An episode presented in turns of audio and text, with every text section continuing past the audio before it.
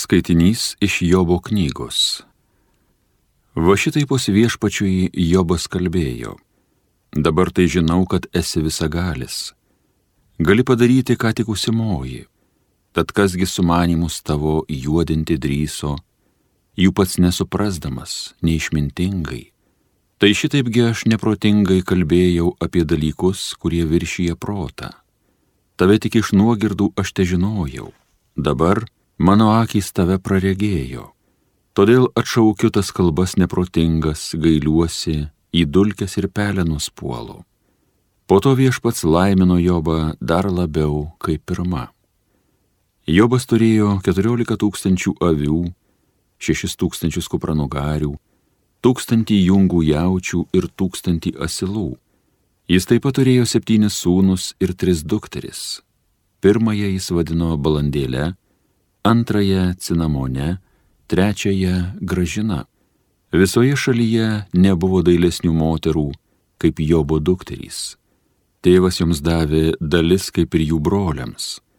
Jobas dar išgyveno 140 metų. Jis matė savo vaikus ir vaikaičius iki ketvirtosios kartos. Tai Dievo žodis.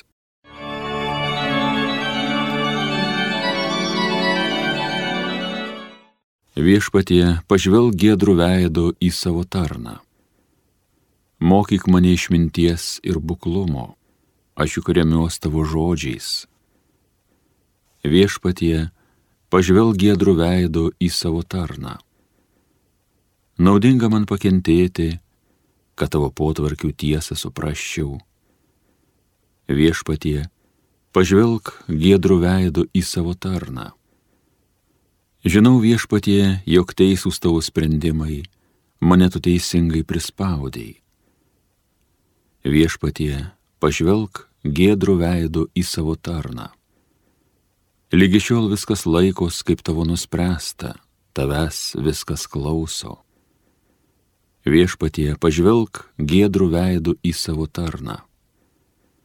Esu tavo tarnas, tu mane mokyk, kad potvarkius tavo pažinčiau viešpatie, pažvelk gėdrų veidų į savo tarną.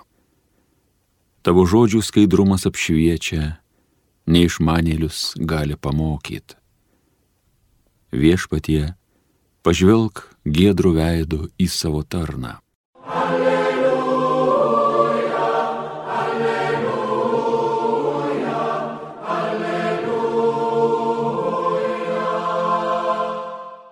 Šlovėtau tėvę dangaus ir žemės viešpatie, kad karalystės paslaptis apreiškiai mažutėliams. Alleluja, alleluja, alleluja.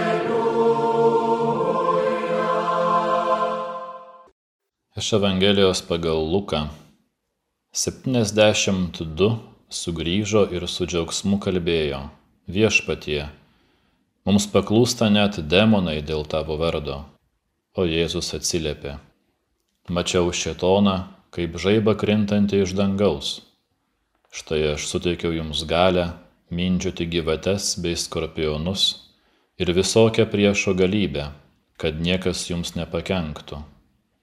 Bet jūs džiaukitės ne tuo, kad dvasios jums pavaldžios, džiaukitės, kad jūsų vardai įrašyti danguje. Tuomet jis pradžiugo šventąją dvasę ir prabilo, aš šlovinu tave, tėve, dangaus ir žemės viešpatie, kad paslėpiai tai nuo išmintingųjų ir gudriųjų, o apreiškiai mažutėliams. Taip, tėve, nes tau taip patiko. Viskas man yra mano tėvo atiduota.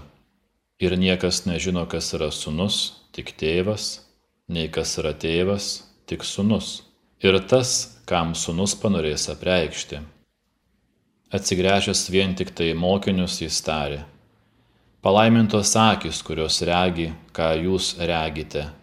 Sakau jums, daugel pranašų ir karalių troško išvysti, ką jūs matote, bet neišvydo.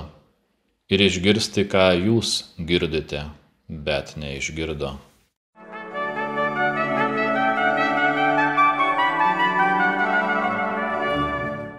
Šios dienos Evangelija yra pilna džiaugsmo, Pirmiausiai džiugauja mokiniai sugrįžę iš savo pirmosios misijos.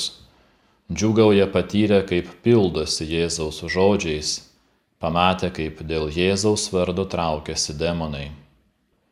Nepaisant to, kad mokiniai buvo siusti kaip avinėliai tarp vilkų, beginkliai, Jėzus jiems suteikė galę visokiai priešo galybei, kad niekas jiems nepakenktų. Jėzus džiaugiasi kartu su jais ir kviečia juos dar didesniam džiaugsmui. Jis kviečia juos džiaugtis tuo, kad jų vardai yra įrašyti danguje.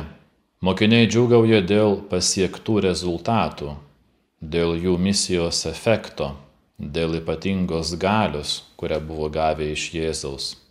Tai dažnai yra ir mūsų laimės bei siekiamybės kriterijai.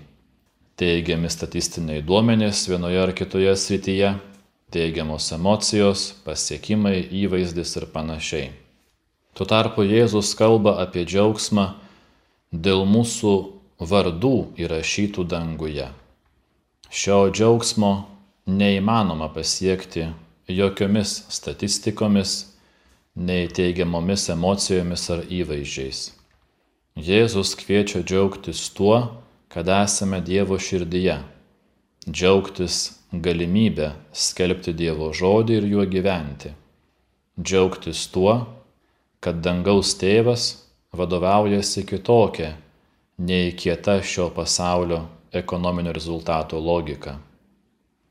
Todėl Jėzus primiktinai pabrėžia savo mokiniams, aš suteikiau jums galę mindžiuoti gyvates bei skorpionus ir visokią priešo galybę. Ši gale mindžiuoti visokią priešo galybę yra mūsų tikėjimo objektas. Tai Jėzaus mums patikėtos misijos žmogiška ir kartu eschatologinė dimensija. Priešo galybė tai šio pasaulio galybė, kuri glūdi galioje primesti savo mąstymo, o kartu su juo ir gyvenimo būdo modelį, arbitraliai spręsti, kas yra gėris, kas yra tiesa, kas yra grožis. Jėzus suteikia galę visą tą galybę mindžiuoti, o ši gale slypi pačiame Jėzaus asmenyje, kuris vienintelis yra tiesa, gėris, grožis. Jėzus yra visa tiesa apie žmogų, apie žmoguje glūdinti dievišką gėrį ir grožį, kuris labiausiai suspindi visiškame savęs dovanojime. Gyvenimas Jėzaus tiesa, jo grožiu, jo gėriu garantuoja mums tikrą džiaugsmą ir tai, kad mūsų vardai yra įrašyti danguje. Jėzus išgirdęs apie mokinių džiaugsmą pradžiugo šventąją dvasę ir šlovino tėvą, kad visa tai apreiškia mažutėlėms. Visi, kurie drįsta gyventi Evangelijos dvasia, yra tėvo ir sunaus džiaugsmo priežastimi. Yra Jėzaus mažutėliais, yra Dievo pamišėliais, kaip šios dienos globėja šventoji kūdikėlio Jėzaus Teresė ir kaip daugelis kitų šventųjų. Skaitant šios dienos Evangelijos ištrauką, mums svarbu yra įsidėmėti, kad tėvas yra visuomet mažutėlių pusėje, o ne kokioje nors kitoje šio pasaulio vilkų, skorpionų ar gyvačių pusėje. Dėka tėvo mažutėliams suteiktos galios, jie visuomet yra Dievo buveinė nepaisant palankių ar nepalankių jų gyvenimo aplinkybių bei įvykių. Dievo visagalybės transmisijos bangų ilgis visuomet yra suderintas su mažutėlių bangų ilgiu. Dievas netransliuoja kitaip kaip tik per mažutėlių gyvenimą, jų požiūrį, jų prieimimo bei siuntimo galimybės. Visa kita yra nesuderinamas su dieviška tapatybė ir jo komunikacija. Mažutėliuose visuomet glūdi tiesa, nors ši tiesa yra šio pasaulio įtakingųjų trypiama ir niekinama, tačiau tik ši tiesa rašo istoriją, kuri pereina į amžinybę. Kad ir kaip pasaulis rėktų apie savo išrinktųjų galybę ir įtaką, Dievo istorija yra mažutėlių rankose.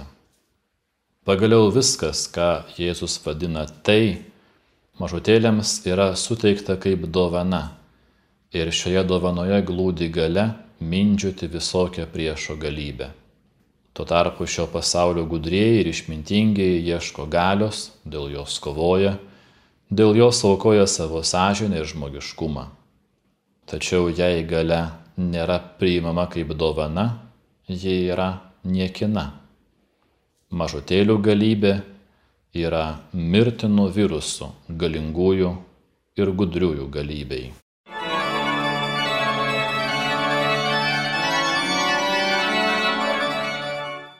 Homilija sakė kunigas Vladimir Solovėjai.